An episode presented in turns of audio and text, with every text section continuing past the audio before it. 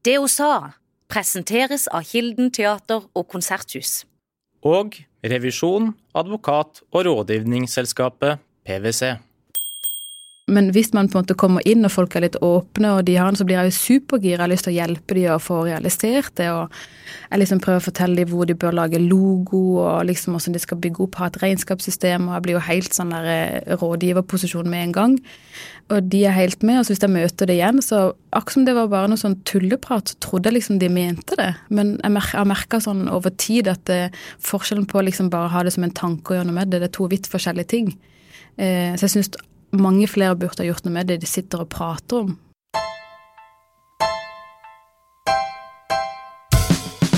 Miriam Mumtaz, Yes. velkommen til det hun sa. Takk!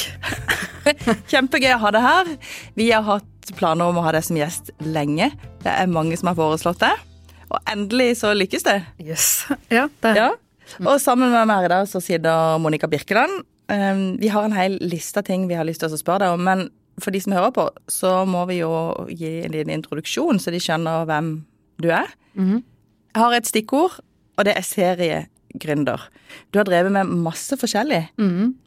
Og en rød tråd kan en kanskje si er det som handler om, om trening, Ja. helse. Ja. Og så vet jeg at du har vært fotballspiller, og så er du veldig interessert i interiør. Ja. Men skal vi begynne litt med det der eh, gründergenet ditt? ja. Hva, hva er det? Nei, eh, familien min spør hva skal du gjøre nå, Miriam? Blir du ikke ferdig, kommer du ikke i mål? Men jeg vet ikke, det er bare så mye gøy som skjer. Jeg føler når vi går på skolen, så er det litt sånn at vi må velge mellom å bli lærer, sykepleier, lege eller advokat. Og så når vi skjønner at livet er så mye mer, så da gikk det opp et lys for meg. Det er jo vanvittig mye vi kan gjøre. Eh, og jeg føler mange bare gjør én ting gjennom store deler av livet. og Det syns jeg er kjedelig. Hva er det som gjør at du får så lyst til å starte nye ting? Jeg vet ikke. Hjerneskade. Eh, det bare skjer. Men jeg er ikke noe god på lange prosesser, det er jeg ikke. Så jeg liker godt hvis det er en start og en stopp. Ja. Jeg må liksom komme i mål. Så jeg tror det der at det er veldig sånn målretta. Ja. Men det du driver med akkurat nå, der du legger ned flest arbeidstimer, Ja. det er i et treningssenter. ja. Fortell litt om det. Ja, eh, vi åpna to måneder før korona, så det har jo vært veldig annerledes enn de andre treningssentrene jeg har lagd. Eh, men det fine med å drive selvstendig er at man kan lett snu seg om. Sånn som når vi ble stengt ned torsdag, så gikk vi jo med livesending lørdag. At det ikke var en del av en stor kjede som må på en måte inn til hovedkontor og sånne ting. Så at, eh, og medlemmene òg sånn var liksom med på det. Men det er jo det kleineste jeg har gjort, å lage sånn Trene folk gjennom Facebook og sånne ting. Vi måtte jo bare gjøre det. Så det er veldig lærerikt. Ja. Og det treningssenteret du driver, mm. det heter Det heter Urban Fitness, og det ligger i Marvika. Mm. Ja, Det ligger veldig fint. Det ligger med vannet, så vi kan jo være masse ute samtidig som vi er inne. Mm. Og så er det litt annerledes, for det er mer sånn der eh, small group training, eller det finnes ikke noe sånn godt ord på norsk, så jeg har liksom ikke funnet ut av det norske ordet, men litt mindre grupper. Altså, jeg kaller det for litt sånn crossfit light, hvis jeg kjenner til crossfit. Mm. Men du har drevet flere treningssentre, eller Ja. flere? Ja, det har vært veldig sånn Jeg bodde i Oslo i mange år, og så mm, trener dere? Jeg går tur okay. og løper. Ok, Men når jeg jobba i Oslo, så var det veldig mange som var i frivekstavdelinga, og ikke så mange på maskiner. Så la jeg merke til at eh, treningssentrene, spesielt i Oslo, sånn, det var overfylt med maskiner, mens folk begynte å bevege seg liksom eh, Trente mer på gulvet med matter, med frivekter og sånne ting, og ikke bare disse her eh, kroppsbyggerne. Og da begynte jeg å legge merke til det, og vi personlige trenerne vi var også mye mer i de der, der hvor det var litt gulvplass. Så da tenkte jeg at jeg skal starte et treningssenter som har masse gulvplass. Så det var sånn det begynte. Så jeg flyttet til Kristiansand og fikk med meg en investor og sa at jeg ville lage et funksjonelt treningssenter. Det er jo kjempelenge siden. Um, og så investerte de 17 millioner på ideen min, så jeg er veldig fornøyd. Men den varte ikke så lenge.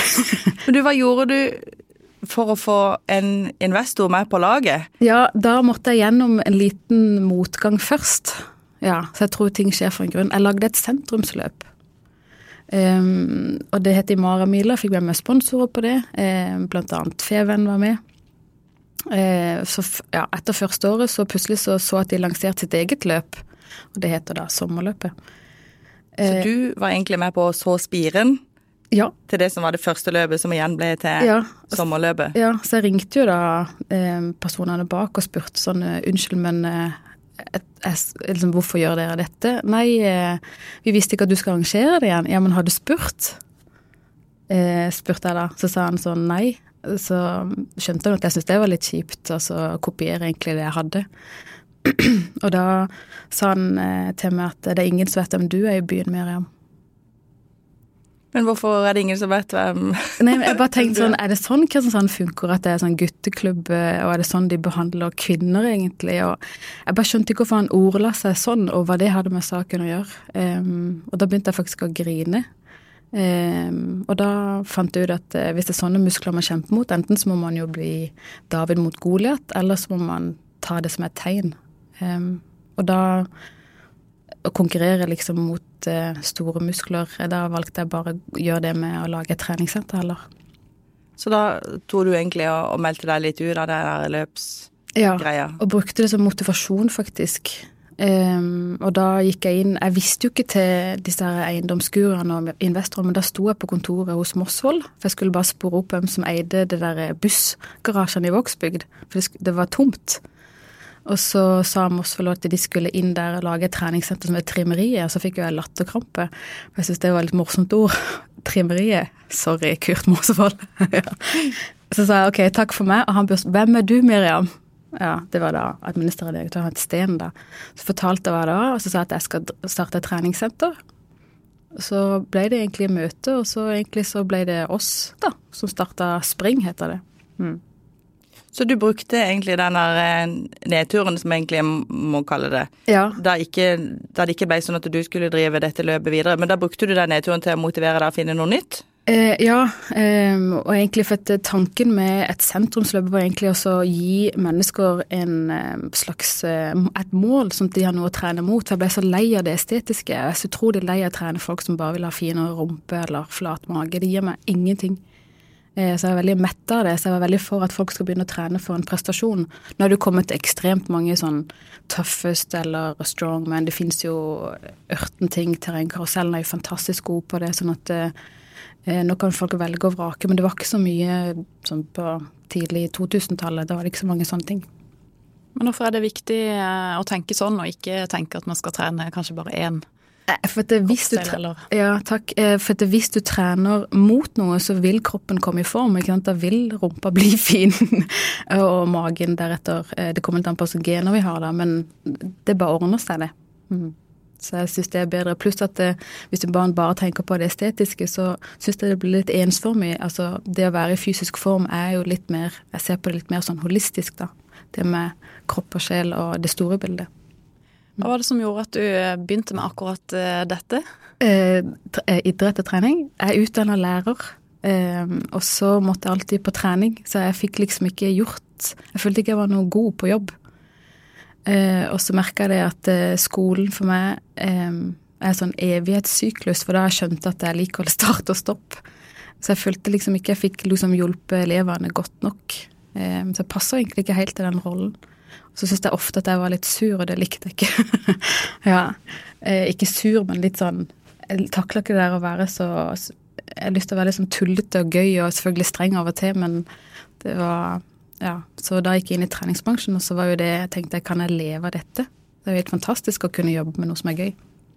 Så er det veldig naturlig hvis man har drevet, vært aktiv hele livet, så blir det veldig lett. Ja, Du, du har drevet med toppfotball, ja har det. og hva, hva har du tatt med deg fra den tida inn i på en måte det du driver med nå? Ja, det fine med toppidrett er jo at man opplever så mye medgang og motgang. Så man har jo liksom kjent på aspekter hvordan folk, hvordan det er å være ny, hvordan lykkes, hvordan mislykkes. Sånn, man har jo fått liksom, man har levd et helt liv gjennom få år. Eh, og det er veldig greit å ta med seg, så man kan lære fra seg. Så at andre slipper å gjøre de feilene. Du, jeg ble litt nysgjerrig på det å stadig starte opp nye ting, Ja. og, og greie å få folk med seg. Du må jo ha med noen som tror på deg, ikke sant? For Ja. du må jo inn midler. Ja. Uh, og du er jo sånn i utgangspunktet en sånn forsiktig dame. Kanskje ikke, men når du kommer inn her nå, så, så opplever jeg deg som, som det. Ja. Um, men du har jo åpenbart mye selvtillit og mye guts. ja. Men, men hva gjør du for å overbevise folk om at den neste ideen din, den Jeg de tror bare de merker at jeg bare tror så på det. For jeg rikker meg liksom ikke. Og jeg blir rolig nå, for dere er rolige. Men hvis dere ser meg som trener, så blir jeg arrogant og tydelig. For hvis du skal lede en gruppe mennesker, så må du jo kan ikke stå der som Så det, man skifter jo litt sånn karakter. Men er det treneren i deg du henter frem når du skal inn og oh, ja. snakke om viktige ting? Eh, godt Nei, ja. Eller hvilke sider er på- det? Ja, nei, det blir nok det. Jeg hadde aldri tenkt på. Ja, du må jo Ja, men hvis man bare er naturlig overbevist, så bare falles det naturlig. Ja. Jeg vet ikke. Jeg er ekstremt god til å tro på ting. Og at jeg mener at jeg får det til òg, så det er sånn urokkelig selvtillit hvis jeg bare har en idé. Jeg er bare helt sikker på at det kommer til å bli bra. Du har lurt litt på det du sa om eh, at du liker at ting har en start og en slutt. Ja. Men eh, du har jo holdt på med mange forskjellige ting. Hva er det som gjør at du blir fornøyd? Når er du ferdig? Ja, det er derfor jeg elsker interiør. For hvis man går inn i en bolig og skal style den, vi er spesialisert på style bolig for salg, så når den er ferdig, så blir jeg ferdig i hodet. Det blir så Det blir ryddig. Um, vet ikke om jeg svarte på spørsmålet nå. Ja. Men sånn er det òg med prosjekter når hvis jeg merker, hvis det, hvis det repeteres veldig, da er det jo i driftsfase. Eh, da kjeder jeg meg veldig. Men sånn som med korona, så følte jeg liksom sånn Da må vi kline på litt. Eh, så blir jeg stengt ned igjen. Ok, motivere folk, kline på litt. Så, um, så jeg blir egentlig fornøyd når jeg føler at man er i sånn fighterrolle, kanskje. Og da kan du gi eierskapet til noen andre. Eh, når jeg er ferdig? Ja, det går fint. Ja. Mm. Eh, for jeg syns bare For hvis ikke så blir det for mye å gjøre. Det er bedre å gjøre en god jobb Um, når du er der sjøl, istedenfor å eie noe og så allikevel ha 100 baller i lufta. Det er ikke så lurt. Ja. Men hvordan kombinerer du det sånn i det daglige når du både driver treningssenter og du driver med boligstyling? ja. Og du driver også, du kalte det for en, hva var det, en merkevarevaktmester. Det betyr Ja. at du hjelper folk på en måte med å få fram den merkevaren Ja. har, og utvikle merkevarer. ja. Hvordan ser en arbeidsdag ut for deg med så mange forskjellige ting? Ja, jeg tenkte jo ofte sånn at hvis mandag går til trening, tirsdag til interiør, og så kan jeg være litt sånn gründer på onsdag. Det har prøvd, for struktur er jo det vanskeligste. Eh, så tenkte jeg ok, det går ikke, så har jeg hatt forskjellige bøker med forskjellige ting. Det går ikke, så, sånn, så blir det veldig sånn listebasert. For plutselig så brenner det der, eller så er det der. Så, um, så det eneste jeg pleier å si til meg sjøl daglig, det er fullfør det du begynner på. Gjør du det, da? Eh, jeg er født jeg er tvilling, så vi hopper jo mye. Så jeg vet at eh, jeg må si det til meg hele tida. Så jeg føler jeg utvikler mer struktur enn hva som er naturlig for min personlighet. Så eh, ofte ja. Mer gjerne. Jeg kan jo kjenne meg litt igjen i det der med å ha mange ideer. Og også med at når en har holdt på med en ting en stund, og liksom har fått det til, så Ja. begynner en å tenke på nye ting. ja. Og sånn går det egentlig, ikke Ja. sant? Hvis man holder på for lenge med noe, så forsvinner litt av, litt av energien. Men Ja. Så er jo livet sånn at noen ganger, noen ting må du jo bare fortsette med. ja. Er det noen ganger du har kjent at du på en måte har gitt deg for, for tidlig? Eller at du ikke har klart å fullføre helt? Ja, ja. Nå er det jo sånn NM-veka, for eksempel, så er det crossfit, og da har jeg treningsutstyrsfirma en gang, og da ser jeg at jeg bruker det treningsutstyret på Så det på TV senest i går. Så for at det, det som er greia når du gir deg for tidlig, så tjener man jo ikke noe penger. Eh, For at det, det kommer jo som regel når man er uttalt, men jeg blir ikke så motivert av penger. Det er ikke det som Det- driver deg? Nei, ikke i det hele tatt. Eh, og jeg vet, De har jo forska på det, sånn, hvem er lykkeligst, og det er mennesker som tjener sånn rundt sånn 600 000 i året. Eh, for da har vi litt fritid. Eh, så jo mer jeg jobber, jo, jo lenger jeg hadde holdt på i prosessene, jo mindre fritid jeg hadde hatt. Jo mindre får jeg trent sjøl, f.eks., eller gjort mine ting. Så jeg jobber litt med å finne balansen, sånn hvor mye jeg skal jobbe og hvor mye fri jeg skal ha. Eh, jeg har jo lyst til å jobbe hele tida, så det er litt sånn vanskelig for meg. ja. Hvor, hvor får du ideene dine? Eh, spesielt hvis jeg dusjer. og herregud, hører jeg bare, hvis jeg kommer opp, er det nå for noe mer? Ja, men kan dø! Jeg skal alltid liksom snakke om det hjemme. Kan ikke vi Nei! hører jeg bare fra kjøkkenet. ja, så det er jo ellers sånn som når jeg sto og så på Borgertoget, og det er store glipper, så begynner jeg å tenke sånn Hvorfor finnes det ikke en ordentlig prosjektleder her? Så jeg ser, kommer på hvis det er noe som jeg føler ikke fungerer, eller kan, kunne blitt gjort bedre. Det kan være hva som helst. Jeg vet ikke, det bare er sånn. Ja, Så det er jo litt stress, for det er jo mange ideer som ikke har gjort noe med. Eksempel syns jeg det er for å få bryllupslokaler i Kristiansand. Det burde noen ha tatt tak i. Så det har jeg jo sjekka opp. eh, Ja. Du kunne egentlig gjort veldig mye forskjellig. Jeg vet det! Men du sa til oss da du kom inn i studio her, før vi starta Ja. innspillinga, at eh, du blir litt sånn frustrert av folk som har veldig mange ideer, men som ikke gjennomfører. Ja. Ja, sosiale lag og sånne ting, så snakker jeg med folk, syns det er interessant hva de har lyst til å gjøre. Jeg syns ikke det er interessant hva folk jobber med, men det er mer sånn er du lykkelig, hva driver det Jeg syns det er litt sånn gøy, men jeg merker folk blir litt stressa, har ikke noe med det, men jeg syns det er litt kjedelig å snakke om det overfladiske. Eh, Men hvis man på en måte kommer inn og folk er litt åpne, og de har den, så blir jeg jo supergira. Jeg har lyst til å hjelpe de å få realisert det. og jeg liksom prøver å fortelle dem hvor de bør lage logo, og liksom hvordan de skal bygge opp, ha et regnskapssystem. Og jeg blir jo helt sånn der eh, rådgiverposisjon med en gang. Og de er helt med. Og så hvis jeg møter det igjen, så akkurat som det var bare noe sånn tulleprat, så trodde jeg liksom de mente det. Men jeg har merka sånn over tid at det, forskjellen på liksom bare ha det som en tanke og gjøre noe med det, det er to vidt forskjellige ting. Eh, så jeg syns mange flere burde ha gjort noe med det de sitter og prater om, eh, rett og slett. Men de som går rundt der med, med noen ideer som kanskje og sannsynligvis er gode, og så er de i en vanlig fast jobb som de Ja. kanskje har hatt i mange år, Ja. og som ikke egentlig har noe å gjøre med den andre ideen det de går og drømmer om. Ja. Hvor skal de starte? Nei, de må jo starte med å ofre fritida si litt, for du bør jo ikke si opp den jobben du har. Eh, for du må jo liksom gjøre begge deler. Jobbe vanlig, og så bygge opp dette her andre stille og rolig. Og så på et eller annet tidspunkt så kanskje gå ned i stilling, eller også gjøre det mer. Så det må jo bli en sånn overgang som har litt lav risiko. Eh, For før så har jeg gjort ting hvor jeg liksom bare kaster vekk alt jeg hadde, og så bare gjort det. Men da går det jo en stund før du får litt lønn.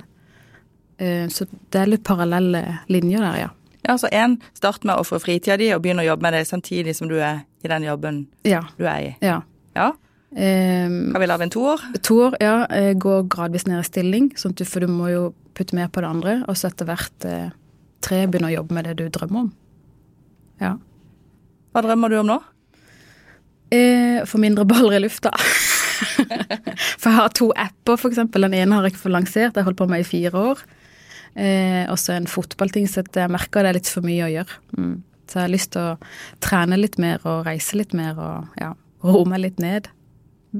Du, jeg sendte deg noen stikkord Ja. I forkant Ja. og sa at du kunne tenke litt gjennom Ja. eh, om det var noe spesielt du hadde lyst til å fortelle. Og noe av det jeg spurte om, var om det har vært noe vendepunkt i livet ditt. Har det vært noen spesielle hendelser som har gjort inntrykk, eller noe som har fått deg til å endre retning, eller gjøre noe annerledes? Ja. Eh, For min del så er min identitet egentlig idrett. Eh, Og jeg var veldig god tidlig, som barn og tidlig ungdom. Og så er jeg tospråklig, så det å si til pappa som pakistansk når du er sånn 15 år at jeg har lyst til å flytte og satse på idrett, jeg var eldstemann, eh, at han sa ja, egentlig sånn på 90-tallet. Det er egentlig ganske stort av han, for jenter skal jo helst ikke det. Eh, Og flytta og satsa på idrett, og så min drøm var landslag. Og når jeg kom dit, så var det egentlig veldig kjedelig. Så det var litt vendepunktet mitt, var litt det der at eh, jeg oppnådde det jeg skulle, og så derifra fra var sånn Jeg kom på U15, 16 og 18-landslag og sånn, men derifra så visste jeg ikke helt hva jeg skulle gjøre, helt fram til jeg slutta. Så etter jeg slutta, så hadde jeg litt sånn der Jeg så tilbake på livet mitt, og det var da jeg egentlig skjønte at jeg måtte bli gründer. For jeg skjønte at eh, det jeg hadde holdt på med, var litt eh, verken fugl eller fisk. For målet ditt var å Unnskyld. Eh, det var, når jeg kom på landslaget, så følte jeg hadde fått en måloppnåelse. Og så, et, var det ikke noe gøy, og da visste jeg ikke skal jeg gå liksom til A-landslaget og satse alt jeg har, eller hva skal jeg gjøre? Og så begynte jo folk å bli liksom Man måtte jo ta en utdannelse og feste det litt og alt det der. Så jeg fikk liksom med meg både toppidrett og det å være ung. Eh, og da blir du jo bare helt medium idrettsutøver.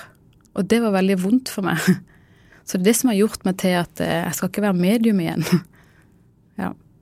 Nei, for da hadde du egentlig nådd målet, og så ble det litt tomt når du hadde ja. nådd det. Ja. Og jeg hadde ikke lyst på A-landslaget. Fødte på landslaget i Norge, jeg håper det endrer, men det snakkes veldig mye om hva man er dårlig på. Eh, Hva man ikke er god på. Um, og det syns jeg er rart når man kommer på landslag, så trodde jeg liksom det skulle være en annen boost å være med i de kulissene. Og det er derfor jeg tror jeg liksom brenner veldig for det der å gi folk mestring og gi folk selvtillit og heie på dem.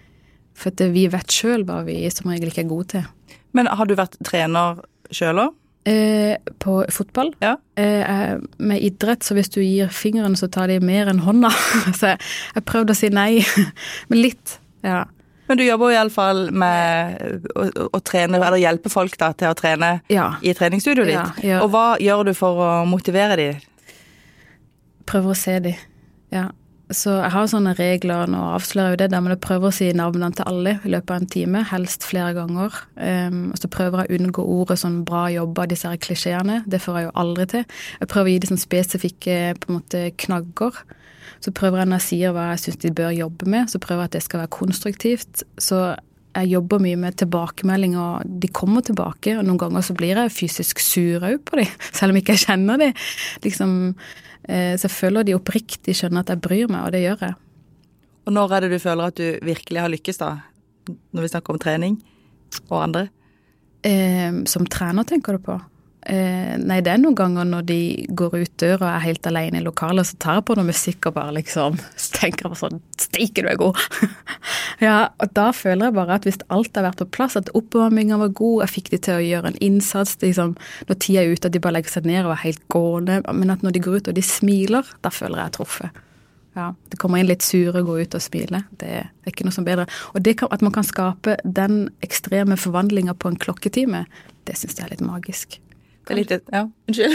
Det er litt det som er målet vårt her i podkasten. Folk kommer inn og er litt sånn nervøse og Ja. litt stramme, og så vil vi at de skal gå ut herfra og være glad og Ja. føle at de har fått eh, gitt alt og fått vist seg fram. Og. Ja. Men det er jo litt sånn for min del å være med på å takke ja til noe sånt. Dette er jo for å sette meg sjøl ut Eller det er ikke, det er ikke komfortsone i det hele tatt. Så de, de vil jo gi mest sannsynligvis mestring av å være med på noe sånt, for det er jo ikke Man er jo stressa og nervøs og alt som hører med. Eh, og jeg tror det er sunt at vi gjør litt sånne ting i livet, for det, det summa summarum som gir sånn mestring, det gir selvtillit.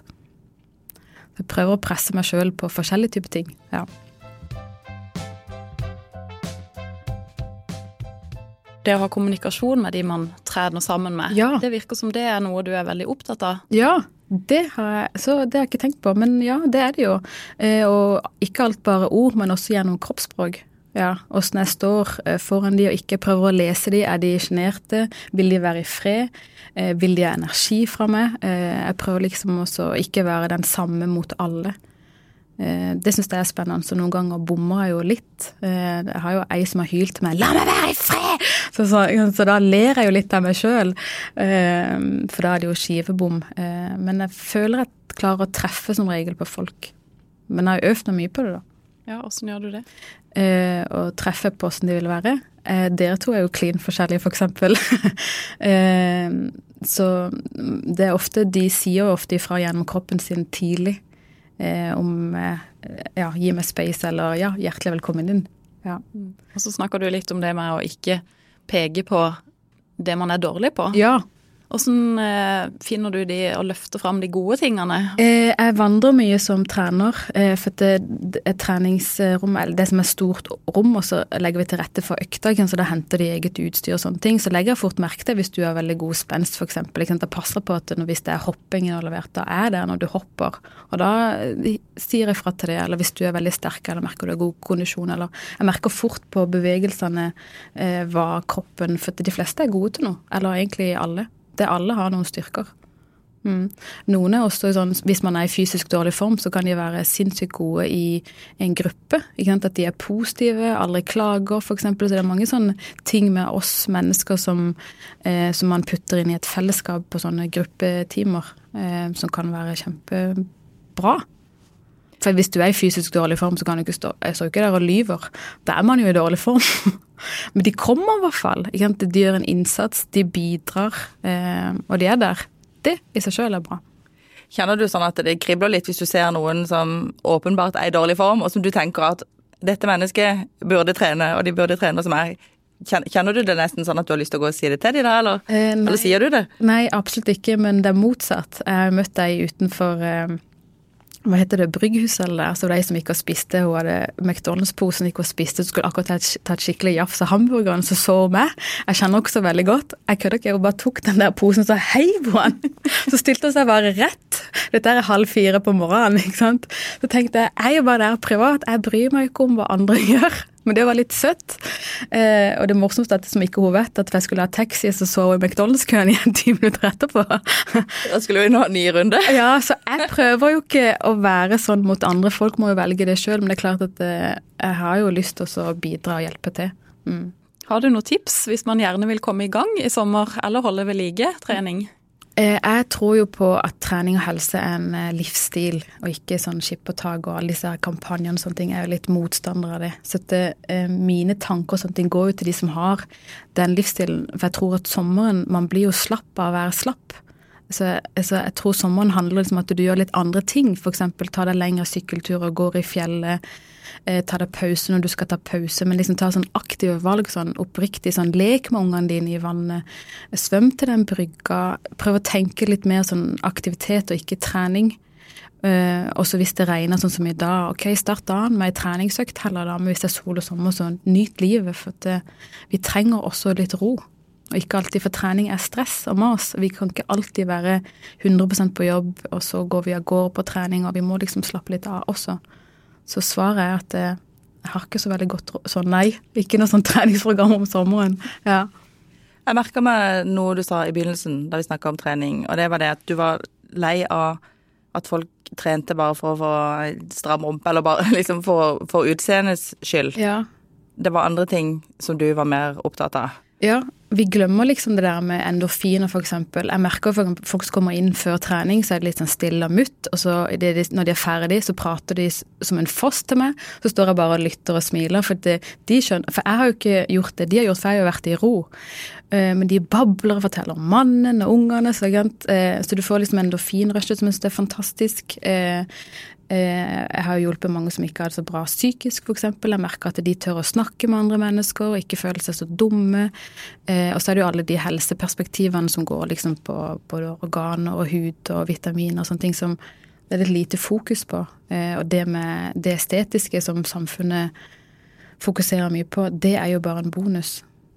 Så hvis vi kan flytte fokus på litt større og viktigere ting, Eh, så, men jeg vet ikke hvordan vi skal gjøre det, for det, det, er jo ikke sexy å snakke om lunger eller hjerte eller Jeg skjønner jo at det Hvordan skal vi få det til inn i markedsføring og sånne ting? Da, sånn som vi skal snakke om generell folkehelse, det er jo, ikke, det er jo bare ikke kult. Litt sånn turnoff? Det er jo det. Det er jo fett med ei fin dame eller en fyr i bar overkropp med sixpack. Jeg skjønner jo at du trenger ikke å si så mye, men jeg syns ikke det er greit. Du med dine gründeregenskaper og, og det genet du åpenbart har der. Hvis du hadde hatt en, en god slump penger til disposisjon nå, ja. som du kunne bruke til å sette ut i livet, ja. det du hadde mest tro på, ja. hva ville du ha gjort da? Um, jeg tror jeg ville ha satsa egentlig på helse. Der har vi masse å gå på. Bare for, latt folk finne noe som de syns er gøy. Eh, om det er padel eller svømming eller et treningssenter. Jeg mener at treningssenter ikke bør eksistere, men vi har jo ikke fysiske jobber lenger, så vi må jo bevege oss. Men det bør være et så bredt tilbud av så mange aktiviteter at alle finner noe de syns er ok. F.eks. om det bare er en gågruppe, så gjør det, da. Kommer du til å fortsette med å sette nye ideer ut i livet? Ja, vi eh, var i eh, en begravelse på fredag, og da var det så søtt åssen eh, kompisene holdt tale, og jeg syns jo dette med begravelse Du får jo så ekstremt perspektiv av hva vi bør ta tak i og så gjøre noe med, det vi har lyst til å gjøre noe med. Og da satt jo kompisene de, de slang jo heldigvis mye på en måte kom med gode historier og var mye sånn sarkasme, og det var en fryktelig god tale, sånn at vi både lo og grein. Um, og når vi var ferdig, så sa jeg liksom til kjæresten min sånn så fint at de er så mye sammen, altså ti som pensjonister, og lurer på hvordan vi blir som pensjonister. Og Så fikk jo bare hun helt latterkrampe og sa sånn, du blir aldri pensjonist, Miriam. du kommer til å starte noe i Spania, noe sånne seniorgreier, eller altså, jeg tror aldri dette her går over. Jeg, jeg, har masse energi, men det er fordi jeg føler meg så frisk og sterk, og, og liksom, jeg må jo liksom utgjøre en forskjell. Eh, det er jo så mye å ta tak i, og mye vi kan gjøre, så hvorfor ikke? Ja, jeg er litt der, da. Du, hva er det viktigste du har lært gjennom din litt omskiftelige karriere? Ja! Eh, det er egentlig ganske lett å svare på. Det er at ikke det er farlig å gjøre feil. Mm. Så det er kanskje noe som jeg føler holder mange igjen, at de er så redd for å gjøre feil. Ja, og kanskje Kristiansand ikke, eller er litt redd for ikke å bli likt, eller hva folk sier.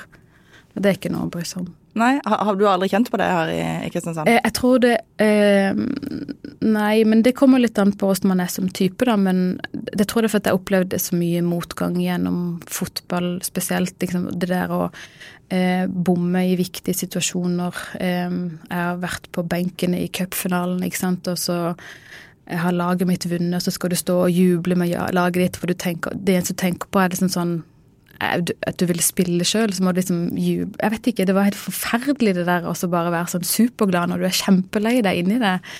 Um, så, men spesielt det der med at jeg har bomma så mye på mål og også score og sånne ting, så jeg har gjort så mange feil. Så når jeg kommer i arbeidskarrieren, så er det liksom sånn Det gjør ingenting. For på et eller annet tidspunkt så treffer du jo. Jeg føler jeg svarer veldig lange svar, men håper du klarer å dra ut av noen ting. Nei, men jeg syns det er interessant å, å høre, Ja. for det, ting henger på en måte sammen. Ja, de gjør At det. du bruker den erfaringa Ja, du har fått tidligere, også med å ikke lykkes eller, eller med ikke være akkurat der du vil være, ja. til å takle motgang Ja. seinere. Men det var etter å være ferdig med fotball, så var jeg i Thailand. Eh, og så prøvde jeg liksom å resonnere litt over karrieren min, og så tenkte jeg sånn Himmel. Jeg har jo ikke hatt en trener som har lært meg litt om mental trening, eller sparka meg i fua, altså hvorfor gjorde du ikke det? Så det var da jeg skjønte at det, grunnen til at jeg bare ble medium, var for at jeg hadde jo ikke noen mål. Eh, så det var egentlig sånn jeg bestemte meg fra herifra og nå resten av livet, så skal jeg alltid ha mål. For det er ikke noe vanskelig å komme i mål, men det er vanskelig å finne målene. Men har du noen som hjelper deg? Har du brukt en coach, f.eks.? Nei, hvis jeg skulle ha studert igjen, så ville jeg gjerne ha studert. Jeg syns det er kjempespennende med mentaltrening og coaching. Det, altså, jeg kjøper jo alt som er av sånne der eh, bøker og hører masse på YouTube. Og jeg elsker jo Oprah Winfrey. Jeg tror jeg var hun i mitt forrige liv. Altså klisjeer amerikanere. Ja takk. Ja. Men du finner rett og slett inspirasjon gjennom å både høre og Ja. lese? ja. Men jeg finner ikke så mye inspirasjon hvis ikke de har gjort det sjøl, for det lir jeg ikke så godt. Ja, Så det, det må jo være folk som har fått det til, da. Så du vet at det de snakker om er litt sant. Kanskje det blir det neste du skal gjøre? At du skal skrive en bok, eller? Nei. Nei, ja, men det var hyggelig. Men eh, det er jo de der knappene i hodet vårt som vi må trykke på. Og få litt troa på oss sjøl. Jeg har lyst til å spørre deg litt sånn i avrundinga her, Mm. om det er noen tema du hadde lyst til å snakke om, som vi ikke har spurt deg om? Er det noe du sitter og brenner inne med? Jeg, jeg tror mange lever et veldig sånn middelmådig liv. Eh, jeg skulle ønske om det er å være en god mamma, en god kjæreste, følge drømmen sånn jobbmessig, eller jeg skulle ønske vi satsa og gjorde oss sjøl litt mer lykkeligere. Men for å bli lykkelig, så Jeg tror det å være lykkelig er at vi er i, i bevegelse, altså fremdrift. Om vi får noen slag i trynet og går tilbake, men da er vi i hvert fall i bevegelse. Så jeg skulle ønske flere prioriterte seg sjøl litt på det. For folk jeg møter, det er mye klaging, spesielt liksom om mannen sin, at han gjør ditt og datt. Så noen ganger så tenker jeg sånn, hva gjør du sjøl, da? Eh, og så hvis han har vært eh, tett sammen med gutta boys, så er det jo morsomt å høre på, men hvis det alltid er liksom de samme eh, klagingene, så blir jeg litt lei. Og da syns jeg sånn at vi sjøl må gå i oss sjøl og så bare eh, gjøre noe med ting istedenfor bare å snakke om det. Hender det du sier det til dem? Em, jeg syns det er vanskelig, for eh, jeg har jo ikke noe med det. Det frister veldig. Så jeg er jo ofte litt sånn direkte person. Så ja, jeg gjør det. Det kommer jo litt an på åssen personen er, for jeg vil jo ikke såre dem. Ja. Så jeg syns sånn folk som bruker ord sånn ikke å prøve, det bør jo ikke eksistere. Sånn jeg skal prøve på det, eller nei. Enten må du gjøre det, eller så må du ikke gjøre det. Skal vi si at vi da er over i en av de faste postene som handler om ord og uttrykk du vil kvitte deg med? ja, Var det det du gjorde nå, eller har du et annet? Ja, nå spurte jeg. Ja, må, må ikke bruke ordet Eller ordet prøve. Det er det dummeste jeg vet. Mm. Hva skal man si istedenfor, da? Det skal bare ikke finnes. Um, kommer du på onsdag? Ja, jeg skal prøve. Jeg tenker sånn, Enten så kan du, eller så kan du ikke. Eller så sier du jeg må gi beskjed i morgen. Mm. Eller jeg skal prøve å få det til, eller jeg skal prøve å bli noe. Nei, finn ut av det. Ja. Så Så det kvitter vi oss med. det må bort. Prøve, ja. Mm. Du, um, du har en mor som er fra Kristiansand, Ja. og så har du en far fra Pakistan. Ja.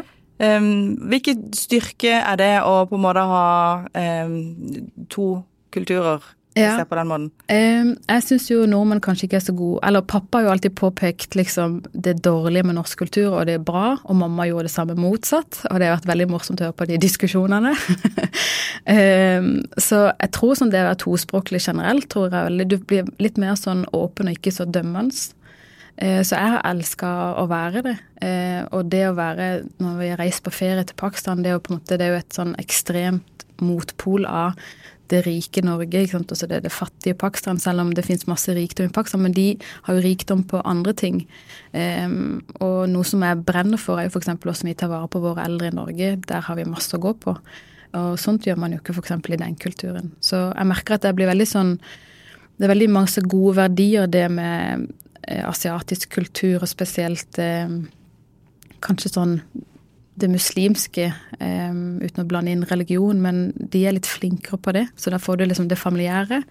Mens i Norge så får vi jo det liksom det der pågangsmotet, friske, sporty. Vi, er gode på så mange ting. Vi bare vi bare graver oss frem i verden, og vi har så troa på oss sjøl. Og jeg vet ikke, vi er så deilig folkeslag i Norge òg, så mikse mellom liksom det varme og det derre Her kommer jeg, det syns jeg er fint.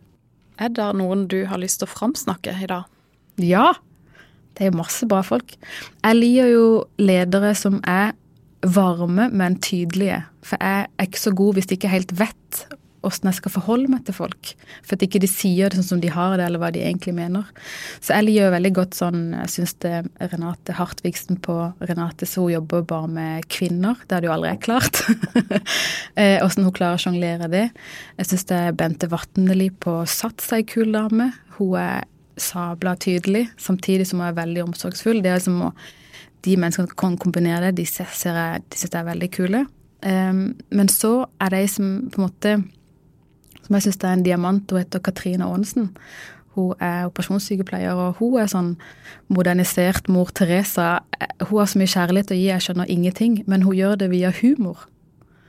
Og det er kult. Så hun jobber liksom med ekstremt vanskelige ting, og så bruker humor som til alt mulig, og det syns jeg er veldig kult. Så Katrine Aanesen. Hun er faktisk ei av de som også er foreslått som gjest. Er det sant? Ja, hun er Få det. inn. Så hun står på, hun står på venteliste. Er det sant? Ja. Så det var en god framsnakk, det, av flere bra damer. Mm. Tusen takk for det, og tusen takk, Miriam Mumtaz, for at du ville komme til det hun sa. ja. Takk for meg.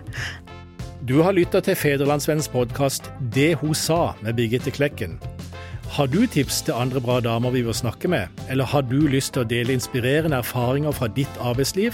Ta kontakt på dethosa1fun.no.